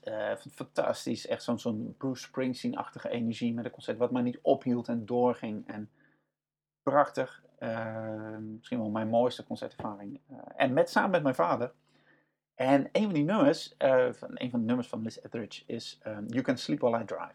Nou, en dat was een mooi nummer, vond mijn vader ook een mooi nummer. Een heel rustig nummer. En mijn vader op een gegeven moment, um, die, uh, mijn vader was ziek. En die uh, had kanker. En die is vijf jaar geleden overleden. En, uh, maar in die laatste dagen, zeg maar, of die laatste maanden, hadden we veel meer contact dan anders. Uiteraard, hè, contact met een deadline. En op een gegeven moment, ik had net, net, ik was een beetje aan het uitproberen met mijn eerste geknutselde website van de praktijkvader. En ik was altijd een beetje nieuwsgierig. Van, ja, wat vindt mijn vader hier nou van? Snapt hij dat wel? Wat ik nu aan het doen ben met die mannen en dat vaderschap. En ook omdat we nooit echt over de opvoeding van de kinderen hadden kunnen praten. En op een gegeven moment echt mijn, die zelfgeknutselde website die stond. En op een gegeven moment krijg ik een, een reactie in de comments op een zo'n pagina. Um, en ik lees dat zo en wat staat er nou? En er staat van, uh, nou ik vind het mooi wat je doet. I can sleep while you drive. En en daaronder papi stond of zo. Ik moest echt drie keer lezen, maar mijn vader had die reactie achtergelaten van I can sleep while you drive. Naar aanleiding van dat nummer natuurlijk. En daarmee zei hij iets wat hij ja, gewoon niet kon zeggen tegen mij. Zo, want ja, hij was niet de man van de echt praten over je emoties. Maar daarmee gaf hij wel een soort, soort ja, goedkeuring. Ja, misschien niet helemaal goedkeuring, maar een soort, soort erkenning van hé, hey, het is mooi wat je doet en ga maar. En dat vond ik uh, prachtig. Dus in die zin uh, is dit werk ook een soort, soort ja, eerbetoon is een groot woord, maar is het wel, um, neem ik mijn vader mee hierin. En um, dat is eigenlijk frappant, omdat wij altijd, zeker toen de kinderen klein waren, allerlei onuitgesproken irritaties, verwijten over de opvoeding. En wij deden het heel anders dan, dan mijn vader en mijn moeder had ons hadden opgevoed. En daar kon het nooit echt over hebben. Maar er waren wel allemaal van die dingen die, waar we het niet over hadden vooral. Dat is dus later, is dat soort weggevallen. En uh, ja, en konden elkaar gewoon heel goed in de ogen kijken. Dus, dus, dus mijn vader is wel heel erg aanwezig in het werk. Ja. Dankjewel, Jurgen, voor een mooie vraag. En dan gaan we ehm, over naar iets luchtigers. Een vraag van Marius, uh, trouwe praktijkvader, volger, uh, vadervuur, vader. En uh, op dit moment kan Marius elk moment een kind krijgen terwijl ik dit aan het opnemen is. Dus Marius, um, als je dit luistert, dan is je kindje waarschijnlijk geboren. Um, en heb ik je daar al lang over gefeliciteerd. Maar eerst jouw vraag. Marius hier. Ik heb een korte vraag voor je die niet per se kort hoeft te beantwoorden. Als je een advies zou kunnen geven aan de Jeroen die vijf jaar geleden met Oscars begon, wat zou dat dan zijn? En neem ons ook even mee dan naar de eerste aflevering, hoe dat, uh, hoe dat is verlopen. Eh, en in het verlengde daarvan uh, haal je ook inspiratie uit de podcast van Tim Ferriss. En ik voel me af of je daar nog, ook nog andere voorbeelden hebt die inspiratie zijn geweest om deze podcast te starten. einde bericht. Hey Maris, goede vraag. Leuk um, ook om daar even mee terug te gaan naar dat eerste moment. Dat, uh, de podcast was trouwens drie jaar geleden, de allereerste, 2015. En uh, ja, ik wilde graag, um, ik wil graag ja, verhalen vertellen. Weet je, ik heb een, ook passie voor verhalen. Ik vertel graag. En die gesprekken die ik voerde met, met, met mannen in de training. Ik dacht, ja, maar als ik nou nog meer gesprekken ga voeren met andere mannen, met, met professionals, met kennis. En dat we dat dan gaan uitzenden, dat dat te beluisteren is. Ja, dat vond ik gewoon zo'n te gek idee. En toen was ik inderdaad die podcast van Tim Ferriss aan het luisteren. En uh, Tim Ferriss is een van mijn helden, die uh, ook wel maar iets op het spoor heeft gezet van uh, dat je je eigen leven, werk kunt, kunt creëren. Zijn boek De Vierurige Werkweek is, las ik denk ik 2008, toen Roos net geboren was. En dat was voor mij wel de kiem van uh, het kan ook anders. Ik hoef niet op mijn 65 op kantoor te blijven werken. Ik kan ja, gaan doen wat ik te doen heb, hè, om dat nog maar een keer te zeggen. En wat ik er mooi vond aan de podcast van Tim Ferriss, en ja, die hebben dit ook wel mede vormgegeven, uh, mijn eigen podcast dan, is dat hij gewoon een lang gesprek met mensen aanging. En echt ging vragen van, hoe doe jij dat dan? En Tim Ferriss die zit wel heel erg over op, op, op, de, op de hekken of op de achterkomen hoe iemand iets doet. En dat dan nog beter, uh, beter gaan doen, zeg maar. Um, en terwijl ik wel gewoon benieuwd ben naar hoe iemand het doet. Of hoe iemand over het vaderschap denkt. En, um, maar ja, dit, ik zat die podcast van Tim Ferriss te luisteren. En dat vond ik te gek. Ik dacht, ja, dat wil ik ook. En hoe doe ik dat? En toen ben ik gaan zoeken. En uiteindelijk uh, vind je dan op internet allerlei manieren wat er nodig is. Um, en, um, en hoe je dat dan moet doen. En dat dat qua techniek best ingewikkeld is. En ik denk dat als ik iets anders zou doen, als ik mezelf nu een advies zou mogen geven, zou ik een paar dingen zeggen. Ik zeg van nou oké, okay, um, uh, laat je een keer goed voorlichten. Echt goed voorlichten. Misschien door iemand die er verstand van heeft. Um, investeer in, in techniek. Um, maar ja, dat vond ik allemaal een beetje lastig, want ja, het is, dat kost allemaal geld en dan moet ik gaan investeren. En ik dacht, nou weet je, ik ga het gewoon wel uitproberen. Maar misschien als ik toch een advies uh, zou mogen geven, um, is het vooral doe wat relaxter. Want in het begin dacht ik van ja, al die mensen die ik zie die een podcast doen, één keer per week een aflevering, dacht, oh, dat moet ik ook, één keer per week een aflevering. En dat heb ik in het begin ook gedaan. Uh, maar dat was echt keihard werken. Uh, want dat kost heel veel tijd om natuurlijk uh, mensen te vinden, afspraken te maken en dan dat weer later na te bewerken. Omdat ik natuurlijk ook in mijn eentje deed. Um, en dus dat, um, dat zou ik mezelf gaan doen wat relaxter. En nu, zoals jullie weten, één keer in de drie, vier weken komt er een nieuwe podcast. En dat vind ik prima. En dan zeggen de deskundigen en experts dat het te weinig is dat je zo geen publiek opbouwt. En, um, en, maar weet je, so be it. Um, ik doe het op een manier waar ik blij van word. En als ik er meer moet doen, dan, uh, dan moet ik daar veel meer tijd in stoppen. En die tijd die is er niet, want er zijn ook, ook nog andere dingen die ik aan het doen ben. Ik geef trainingen, ik, ik schrijf, ik wil overdag voor mijn kinderen er zijn. Uh, ik ben met mijn partner, wij doen de, onze relatietrainingen Liefde de Liefde. Dus er zijn best een hoop dingen die moeten gebeuren. En nou ja, die podcast, die interviews, zo, zo één keer in de drie, vier weken, dat is een ritme wat, wat werkt, wat past bij mij. En uh, dus dat vooral. Ja, dus doe wat relaxter. En laat je niet gek maken door wat iedereen zegt. Um, ja, en, en het grappige is dus ook dat, dat ik, ik zei net iets over de techniek, de geluidskwaliteit van de eerste tien podcasts, die is niet echt super. Uh, niet van allemaal tenminste. En um, ja, daar had ik misschien uh, me wat meer in kunnen verdiepen.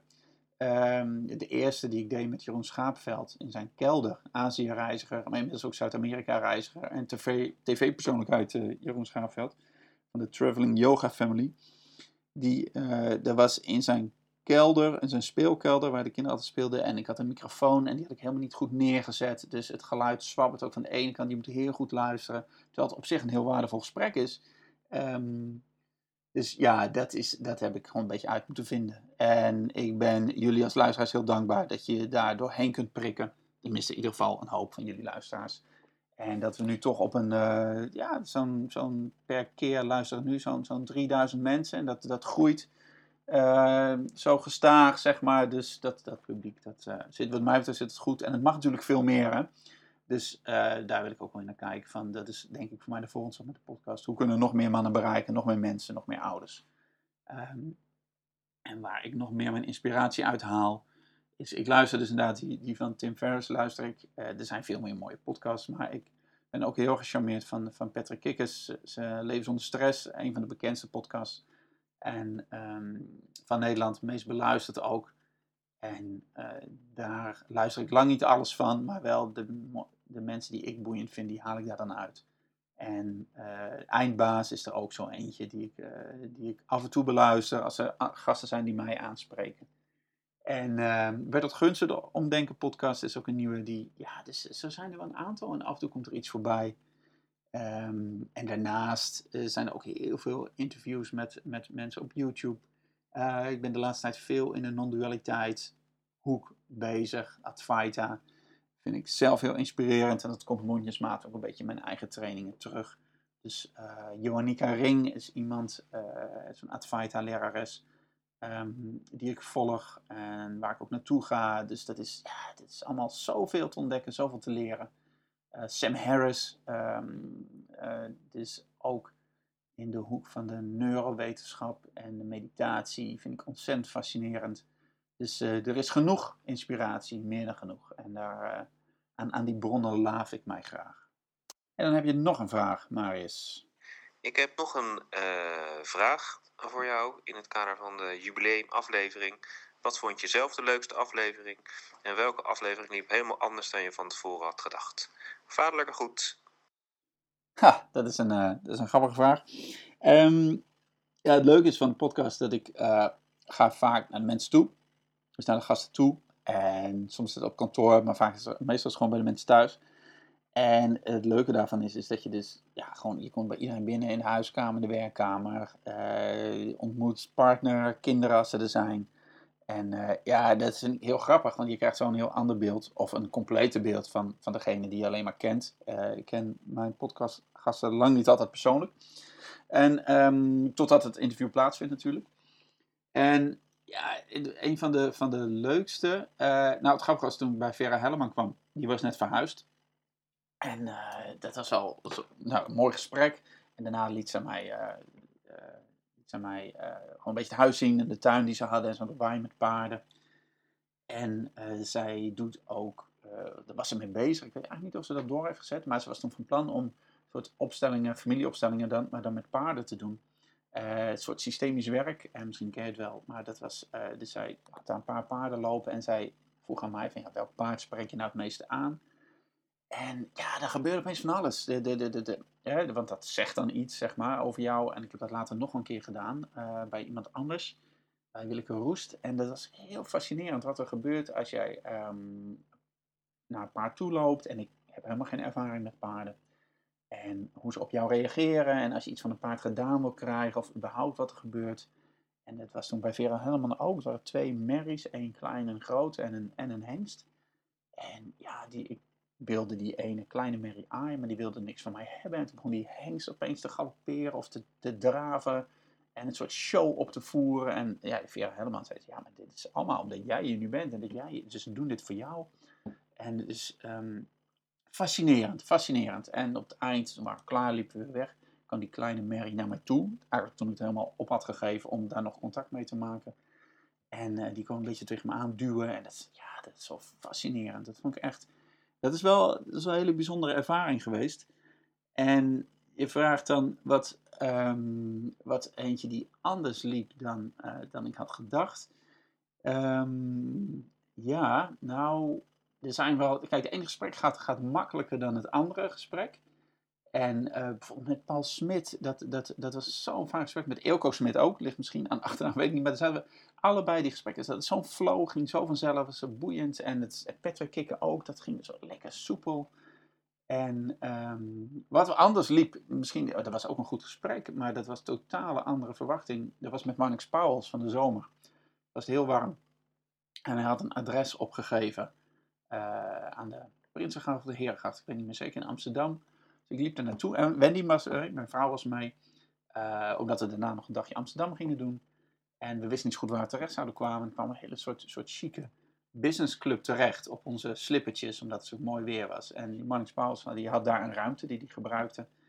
En uh, ja, dat was een totaal andere wereld die, uh, waar ik in terecht kwam. En ik denk van, hey, dit is boeiend, dit is leuk, dit is interessant. En, en vooral omdat we daar dus aankwamen lopen op onze, op onze slippertjes. En daar, niemand deed er moeilijk over. En uh, dat was geweldig. En dat was voor ons ook een heel mooi gesprek. Maar dat was, qua setting was dat, was dat even schakelen. Dus, dus dat denk ik. En veel meer, ja, ik heb niet echt hele dingen die helemaal misgingen, zit ik nu te denken. Um, ik probeer even hard op te denken. Iets wat ik denk, nou, dat liep helemaal anders dan ik had verwacht. Nou, met Jan Geurts, dat was wel, dat was een, daar keek ik heel erg naar uit. En dat was, qua interview was dat een goed gesprek. En oh, ik was toen nerveus, omdat ik had net mijn nieuwe apparatuur. Ik had net twee nieuwe microfoons en uh, ik was benieuwd of dat wel goed ging.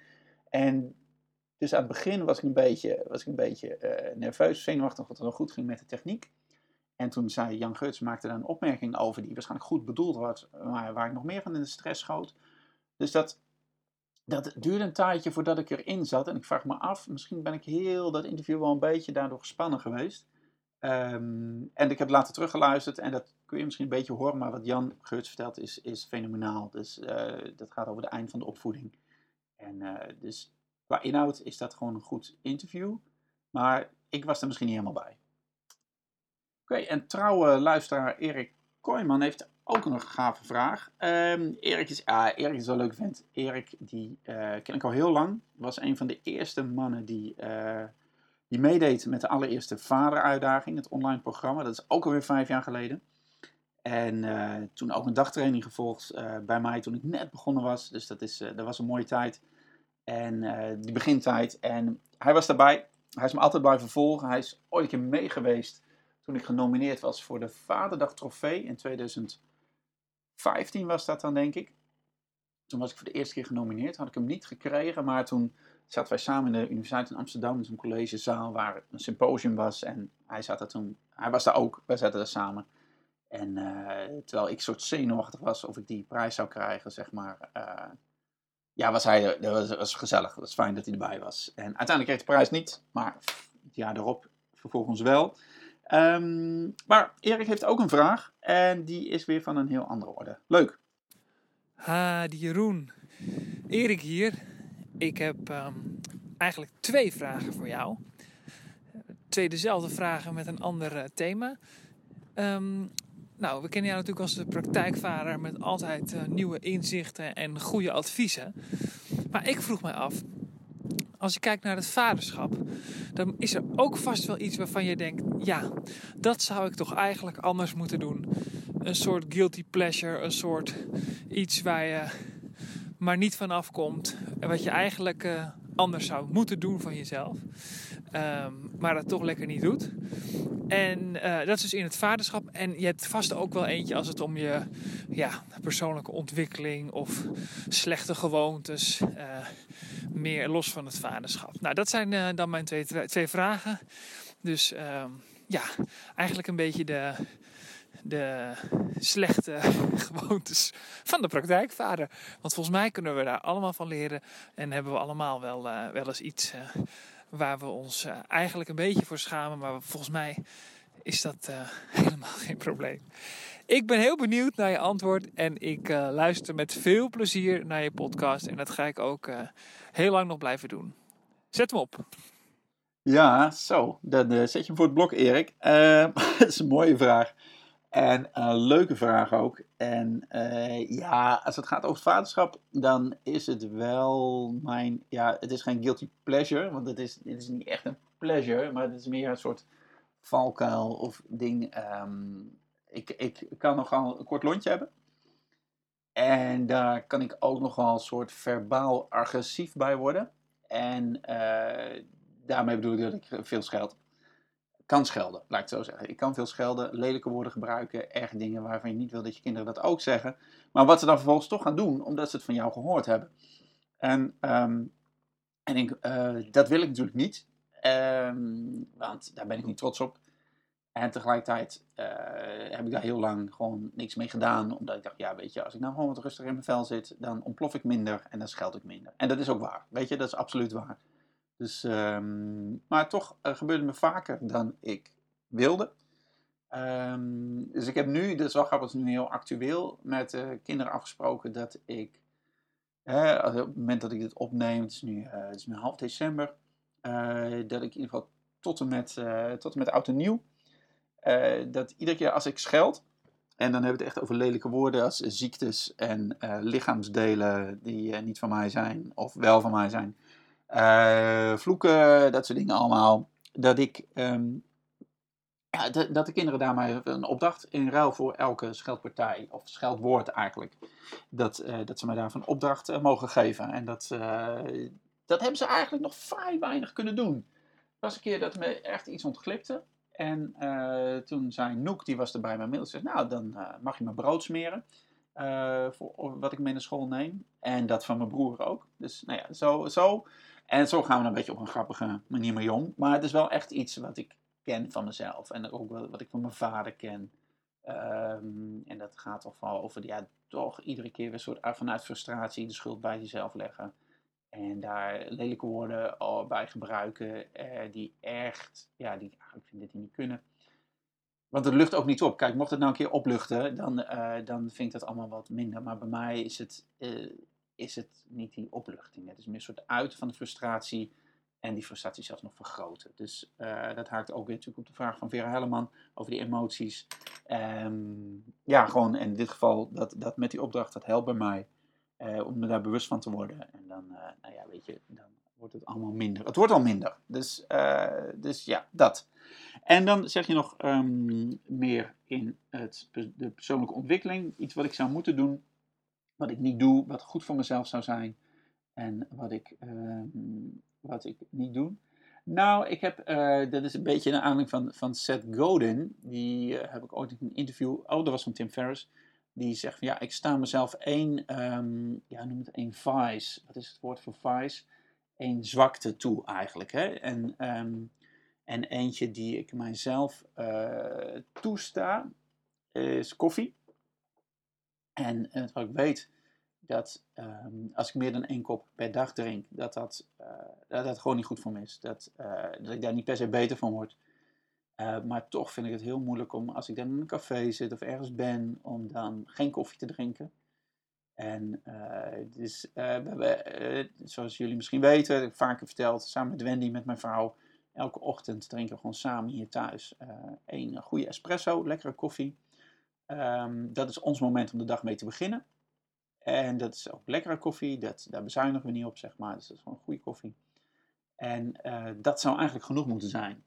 Maar ik merk toch dat als ik dan uh, ergens ben, uh, bijvoorbeeld bij een podcast-interview, of als ik in een café zit ergens, of ik zit ergens te werken, of aan het begin van de vadervuurtraining bijvoorbeeld, dat ik dan toch uit soort gewoonte of uit gemakzucht die koffie pak.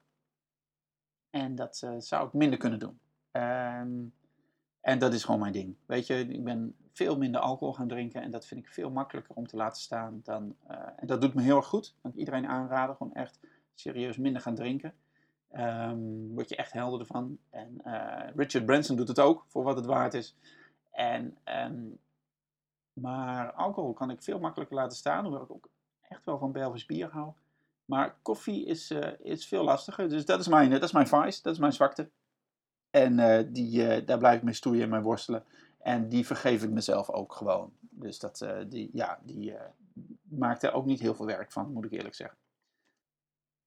Ja, en dan komen we bijna aan het eind. Dus de ene laatste vraag, die is van Bertolt Gunster. Dat is echt de Praktijkvader podcast favoriet. Ik heb twee afleveringen met Bertolt gemaakt. Van Omdenken, Bertolt Gunster van Omdenken. En die zijn, ja, die zijn energiek, fenomenaal, mooie ideeën. Echt fascinerende man. Heel veel goede ideeën over opvoeden, over omgaan met kinderen. En heel, ja, heel mooi, heel inspirerend. En hij heeft nu sinds, sinds kort, of sinds, ja, sinds een paar maanden, ook eh, de Omdenken podcast. En het leuke daarvan was dat ehm, hij uh, vroeg mij daarin om een vraag voor te leggen. Dus niet zozeer om, het, om te vertellen wat ik doe of wat ik met de praktijkvader doe. Of, maar meer van om een vraag voor te leggen die, hij dan, uh, die we samen eigenlijk gingen onderzoeken. En uh, dat zal binnenkort ook in zijn pod podcast te horen zijn, die vraag. Maar die ging eigenlijk over ondernemen, over je bedrijf, over hoe je dat doet en wat de volgende stap is. Um, en die vraag stelt hij hier nu in het kort ook. Dus ik geef hier een antwoord. En het uitgebreide antwoord dat vind je later terug in de podcast van Bertolt. Maar dit is een mooie verkenning. Ja. Dit is een vraag van Bertolt Gunster van Omdenken. Stel als het gaat om ondernemerschap, je huidige onderneming, alles lukt. Wat als alles lukt? En je kijkt als 70-jarige terug op je carrière. Wat zou je zelf vanuit dat punt in de tijd, dus als 70-jarige, adviseren om vanaf dit moment te gaan doen of te laten? Ja, ik vind het echt een waanzinnig goede vraag. Dat vind ik echt fantastisch. Dat vind ik ook, Bertolt, uh, chapeau en dankjewel ook. Um, dat is iets wat jij wat ik ook van jou heb geleerd of meer heb geleerd, is om echt gewoon andere vragen te stellen.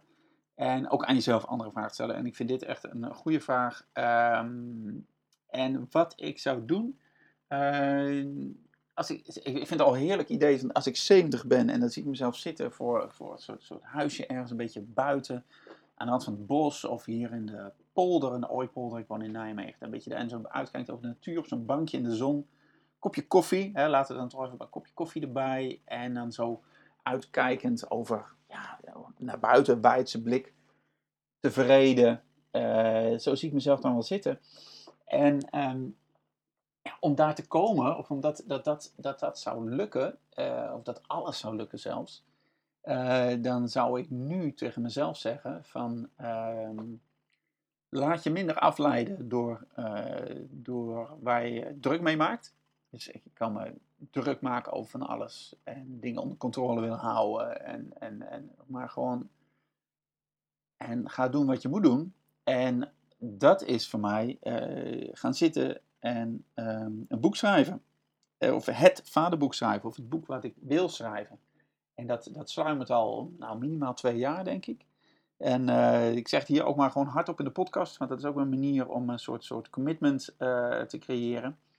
Um, alles wat ik, wat ik weet, ervaren heb uh, over het vaderschap, de afgelopen vijf jaar met de praktijkvader, kennis die ik heb opgedaan, kennis die ik zelf heb uit mijn eigen vaderschap. Uh, ja, dat, dat kan, daar kan ik een boek over vol schrijven. En dan kan ik volgens mij een boek over, over vol schrijven waar, waar vaders echt iets aan hebben. Dus dat is, dat is wat ik uh, mezelf als 70-jarige zou adviseren: van stel het niet langer uit. Ga gewoon zitten en schrijven. Maak die tijd, ga schrijven, ga beginnen en um, zoek mensen om je heen die, uh, die je daarbij willen helpen om mee te lezen. Die zijn er al, want die, die bieden zich aan. Uh, dus dat is fijn. Zoek een uitgever. Nou, dat komt ook goed. Dat, weet je, er zijn ook mensen die, die, die dat willen. En, um, en ga doen. Dus dat is wat ik mezelf zou, zou adviseren. En, um, en ja, dat boek. En dan ga, ga het nog meer vertellen. Ga het verhaal van de praktijk van het vaderschap nog meer vertellen. Dat zou ik willen. Kijk, uiteindelijk zou ik willen dat, dat alle mannen in Nederland, of alle vaders in ieder geval weten. Dat uh, misschien niet eens zozeer dat ze weten dat er praktijkvader bestaat, maar dat ze actief uh, naar hun vaderschap gaan kijken. Dat ze actief die vraag gaan stellen: hey, wat voor vader wil ik zijn? Dat ze daar met andere mannen over gaan praten. Uh, en dat we zo echt die vaders worden die onze kinderen nodig hebben. Die vaders die, hè, die, die bijdragen aan de ontwikkeling van hun kinderen. Die die ontwikkeling niet in de weg staan. Die zichzelf goed kennen. Die een fijne man zijn voor zichzelf. Een fijne vader voor hun kinderen. Een fijne partner voor hun vrouw. Dat, dus dat, dat, dat, dat bijdraagt. En ja, ik kom niet op dreef, merk ik. Maar het, vaderschap is zo'n plek. Zo'n mooie plek om, om je persoonlijke ontwikkelingen in te gaan. Om echt daar, uh, daar in te duiken. Omdat je in je vaderschap kom je alles tegen. En het is natuurlijk helemaal niet handig dat dat dat het druk is en dat, dat het op het moment is dat het, ja, dat, dat, dat het van alles van je vraagt. Dat je, dat je kinderen, ehm, dat kost natuurlijk allemaal tijd. Je hebt je werk, je hebt je partner. Eigenlijk heb je er helemaal geen tijd voor. Maar toch die tijd te maken en het als kans aangrijpen en iedere struggle, iedere hobbel die je tegenkomt met je kinderen om te snappen dat die over jou gaat. En dat die dus gaat over wat jij te leren hebt. En niet zozeer dat je je kinderen moet opvoeden, zodat ze goed terechtkomen. Nee, maar dat je leert van je kinderen over jezelf, wat jij te doen hebt, wat jij te ontwikkelen hebt. De man die jij moet worden, of die je, die je bent, zeg maar, hoe je die nog meer kunt worden. Hoe jij alles wat je in je hebt, alles, ja, weet je, je potentie, je essentie, oh, hoe, wat voor woord je er ook wil geven, je kracht. Dat jij dat aan de wereld kunt geven. Want daar zit de wereld op te wachten, zitten je kinderen op te wachten. Jij, die mooie, krachtige man die je bent, die, die, die, daar zit de wereld op te wachten. En dat zeg ik dus ook tegen jou nu, maar ik zeg het net zo goed tegen mezelf. Hoe kan ik dat nog meer worden? Nou, voor mij is dat gaan zitten, boek schrijven, gaan doen. En dat nog meer de wereld inslingeren met veel meer vertrouwen, nog, nog, en nog meer energie. En nog meer training geven en eigenlijk nog meer doen wat ik het liefste doe. Dus dankjewel Bertolt, ik sta op scherp. En dan als slotvraag van deze 50ste podcast, 50ste praktijk van de podcast, een afsluitende vraag van Gert-Jan van Schaik. En dat is een mooie om mee af te ronden. Hi Jeroen, dit is Gert-Jan van Schaik. Mijn vraag aan jou is, wat is in al die jaren het hartsadvies wat je al die ploeterende vaders zou willen geven? Wat je hebt verzameld, wat je het belangrijkste is wat wij moeten weten. Hey, veel succes met je jubileum en uh, tot ziens, dag. Ja, deze vraag komt eigenlijk alles samen wat uh, heel deze aflevering al uh, besproken is volgens mij. Maar ik zal kijken of ik toch nog een beetje een nieuwe draai aan kan geven. Um, ik denk ook van, van als ik hem omdraai, dus een vraag die ik zelf een beetje, die ik zelf ook vaak stel in de podcast, hè, wat voor advies zou ik mezelf geven um, op het moment hè, dat mijn eerste in dat geval in mijn arm had. Um, wat had ik toen willen weten? En ja, ik denk toen al, hè, dus was, ik denk ik was 28, toen werd in het ziekenhuis geboren, ik had hem in mijn armen en het was, het herkende hem gelijk. Ik dacht oh, jij bent van mij, of in ieder geval, ik ken jou. En um, dat was een prachtig moment en ik weet nog van, ik, gaf hem, ik had hem aangepakt, zeg maar, ik gaf hem aan Wendy, aan mijn vrouw. En die legde hem op haar borst. En ja, weet je, dat is zo fantastisch. Ik dacht, ja, maar nu ben ik vader. En ik weet nog dat ik van tevoren was een beetje bang voor dat moment. Want ja, ik had als een baby van vrienden in mijn armen gehouden. Maar dan wist ik nooit wat ik daarmee aan moest. En dat voelde altijd een beetje, een beetje eng. Oh, dat hoofdje en dan moet ik ondersteunen. Maar het gave was, van toen ik Tijn in mijn armen had voor het eerst, speelde dat helemaal niet. Ik wist precies wat ik moest doen. En dat is denk ik wat, um, wat ik mezelf misschien nog wel meer had willen geven of willen gunnen van een soort vertrouwen op dat jij weet wat goed is voor je kind. En, um, en dat in principe weet jij precies wat goed is voor je kind. Alleen, er is zoveel informatie en er zijn zoveel mensen die daar iets van vinden. Van, het begint al met, met de verloskundige en het consultatiebureau en, en, en kraamverzorgende en natuurlijk ook je ouders, je familie, je zussen, weet ik veel, en je collega's, je vrienden. Um, het is zoveel, en er is ton aan informatie op het internet, en deze podcast is natuurlijk ook eentje van. Um, dus je kunt je, je kunt je gek laten maken. Uh, je kunt je dus van de wijs laten brengen, van je eigen wijs af, zeg maar, van je eigen pad af, door wat al die andere mensen zeggen. Um, en dat is, um, dus ga je eigen weg. Uh, vertrouw erop dat je het weet. Um, dat is eentje. Um, maar ik zou ook zeggen van zoek wel naar, ja, dat heb ik ook eerder gezegd, maar ga het niet in je eentje doen. Dus zoek naar anderen uh, aan wie je op kunt trekken. Uh, met wie je het samen kunt uitvinden, met wie je een gesprek kunt voeren. Uh, en dat hoeven niet altijd mensen te zijn die precies hetzelfde doen als jij. Dat is ook vaak fijn. Maar het kunnen ook mensen zijn die je vertrouwt en die, uh, die je gewoon eens een, ja, die je een spiegel kunnen voorhouden. Of die gewoon bereid zijn eerlijk tegen jou te zeggen hoe het is. En niet omdat ze het beter weten, maar omdat, het, eh, omdat ze eigenlijk dat ze je waarderen. Of omdat ze van je houden. Of, of dat ze je fijn dat ze je kennen. Dus mensen die betrokken zijn bij jou. Ehm, en dat is eigenlijk wel wat ik al die ploeterende mannen, zoals je zegt, Gert-Jan. Uh, gelukkig zijn we niet altijd maar aan het ploeteren en het aanmodderen. Ehm, dat, uh, dat wil ik ze wel meegeven. En neem je tijd. Uh, neem je tijd om dingen te ontdekken. sta stil. Um, dat is iets wat ik mezelf ook iedere keer weer zeg. Van, ga voor die verwondering. Kijk naar je kind. En um, dan, dat gaat ook weer over weten wat goed is voor je kind. Kijk is en laat al die verhalen, al die stemmetjes, al die deskundigen of je moeder of je vader, laat ze gewoon kwekken. En kijk zelf eens, word stil en kijk wat je kind nodig heeft. Want dan vind je de antwoorden wel. En dan komen die antwoorden ook vanzelf. En dat is wel, uh, dat is zo waardevol. Maar dat vraagt dus inderdaad dat je de moed hebt om stil te staan, naar jezelf te luisteren. Voor jezelf op te komen ook.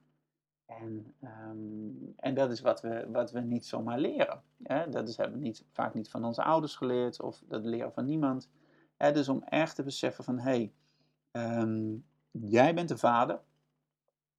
Jij bent, jij bent verantwoordelijk natuurlijk voor je kind. Uh, jij gaat het ook doen. Hè? Ik heb het ook vaak over bewaak het fort. Hè? Bewaak je eigen fort en, en sta achter je kinderen. Uh, help ze op weg. Uh, maar zorg ook, zeker als ze nog klein zijn, zeker in die, in die allereerste week in die kraamtijd, dat, dat, dat het jouw fortje is, waar jij met je vrouw en je, kind, of je kinderen in zit. Zorg dat jullie samen zijn. En, uh, en, en een hele, ja, ik kan nu honderd adviezen op gaan noemen, maar dat, dat, dat ga ik allemaal niet noemen. Uh, of adviezen, maar gewoon een soort, soort, wat ik allemaal heb ervaren in mijn eigen vaderschap de afgelopen 16 jaar. En al die interviews die hier voorbij zijn gekomen. Dus er is zoveel te vertellen. Maar misschien de belangrijkste om mee af te sluiten is um, besef dat, uh, dat je kinderen worden, worden zichzelf, zeg maar, uh, dankzij jou, maar een deel ook gewoon ondanks jou. Dus kijk maar naar je eigen ouders, jij bent geworden wie je bent, en voor een deel dankzij je ouders, maar ook een deel ondanks je ouders. Um, dus je weet niet precies wat je kind nodig heeft. Je gaat de mist in, je gaat fouten maken, je gaat dingen onhandig doen. Um, maar um, vertrouw erop dat je kind gewoon zijn eigen weg wel vindt. Dat je kind eigenlijk wel gewoon terechtkomt.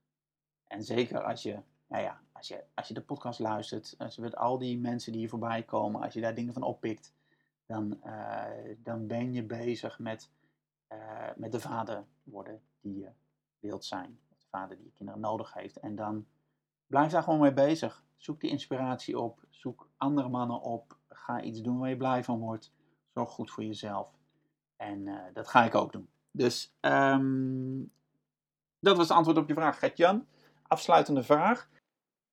En daarmee komen we aan het eind van de podcast, van deze 50ste Praktijkvader podcast. Maar blijf nog even hangen, want ik heb nog iets belangrijks voor je. Eerst wil ik uh, iedereen even bedanken die, um, ja, die luistert sowieso. Dus jullie als luisteraars alle podcastgasten van de afgelopen 50 keer. En ook natuurlijk de mensen, de podcastgasten die hun vraag hebben ingestuurd. En natuurlijk de luisteraars die hun vraag hebben ingestuurd. Dus dank jullie wel. Uh, dankzij jullie hebben we deze leuke podcastaflevering kunnen maken.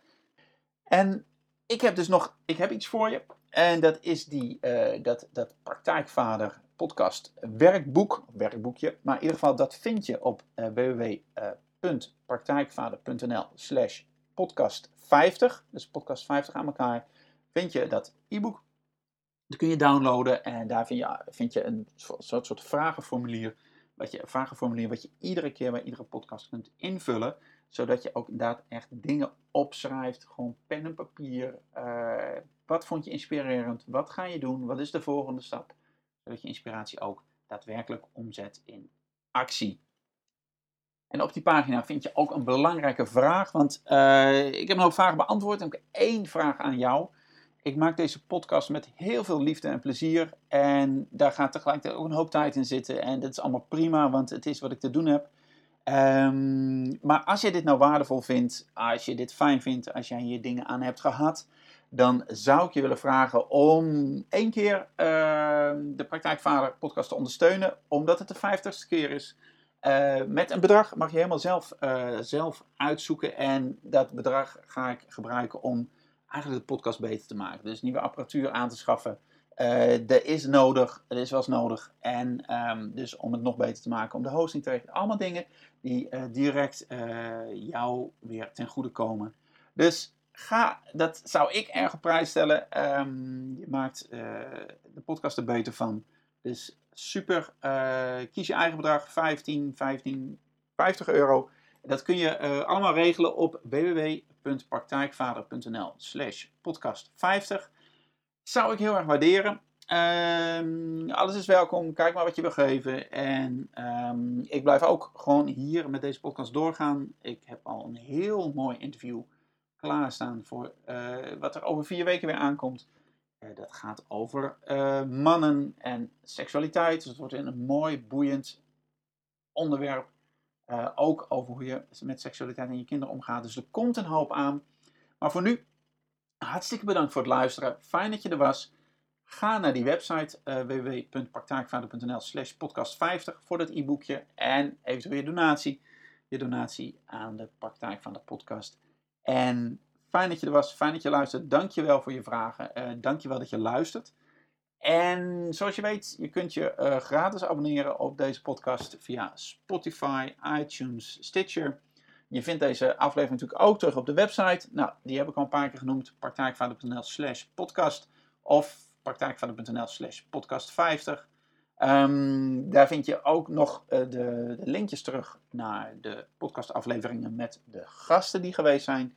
Bertolt Gunsen, Vera Helleman, Janita Venema, Gideon de Haan, Tom van de Kroon en Jurgen Peters.